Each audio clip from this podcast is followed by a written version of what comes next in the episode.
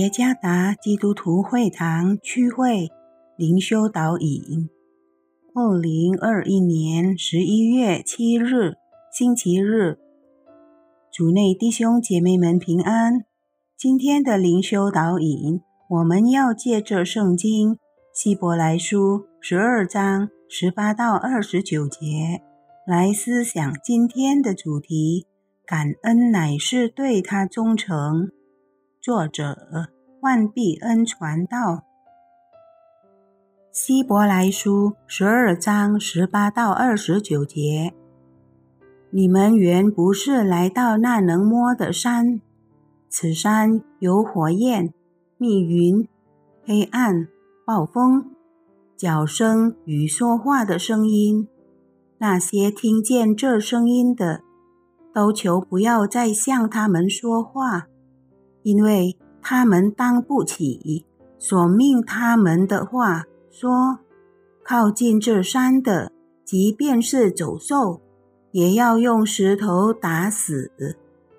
所见的极其可怕，甚至摩西说：“我甚是恐惧战惊。”你们乃是来到锡安山，永生神的诚意，就是天上的耶路撒冷。那里有千万的天使，有名录在天上诸长子之会所共聚的总会，有审判众人的神和被成全之一人的灵魂，并新约的中保耶稣，以及所洒的血。这血所说的，比亚伯的血所说的更美。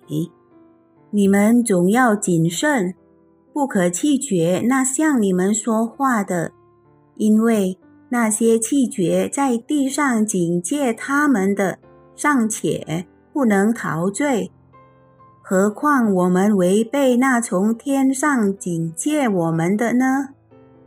当时他的声音震动了地，但如今他应许说，再一次。我不单要震动地，还要震动天。这再一次的话，是指明被震动的，就是受造之物都要挪去，使那不被震动的长存。所以，我们既得了不能震动的国，就当感恩，照神所喜悦的，用虔诚。敬畏的心侍奉神，因为我们的神乃是烈火。前段时间有一位我是基督门徒第一集课程的参与者提出问题：一个信徒重复多次犯罪会得赦免吗？他会受到审判吗？幸好。因这个问题是由一个刚信主、亦正在学习理解上帝真理圣言的基督徒提出的。若好好的继续跟进的话，我们将会发现这问题可说是因恐惧永恒审判所影响的表达。很明显，这个问题不是基于。他对上帝的爱，希伯来书作者说：“我们不是来到那不可触摸又极其可怕的西乃山，却是来到锡安山，永生神的诚意，就是天上的耶路撒冷。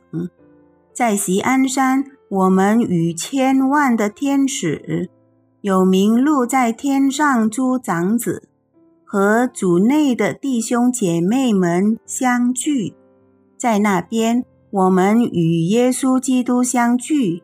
新约的中宝是借着石架上所洒的血，为我们打开通向上帝的路。公正的审判者和经历他的祝福。基督所洒的血，比起从地里呼求亚伯的血更响亮，因为基督的血却正肯定了新约和开启了人与上帝之间和好的道路。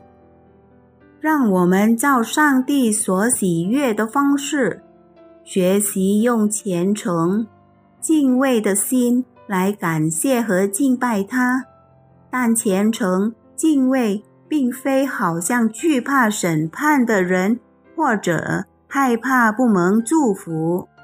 但作为我们在上帝面前觉悟真正自我的一种表现。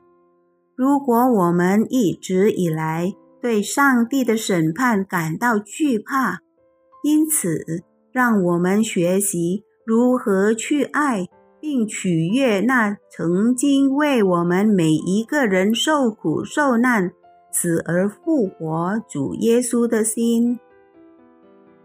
感恩是以忠诚敬拜他来表现。主耶稣赐福。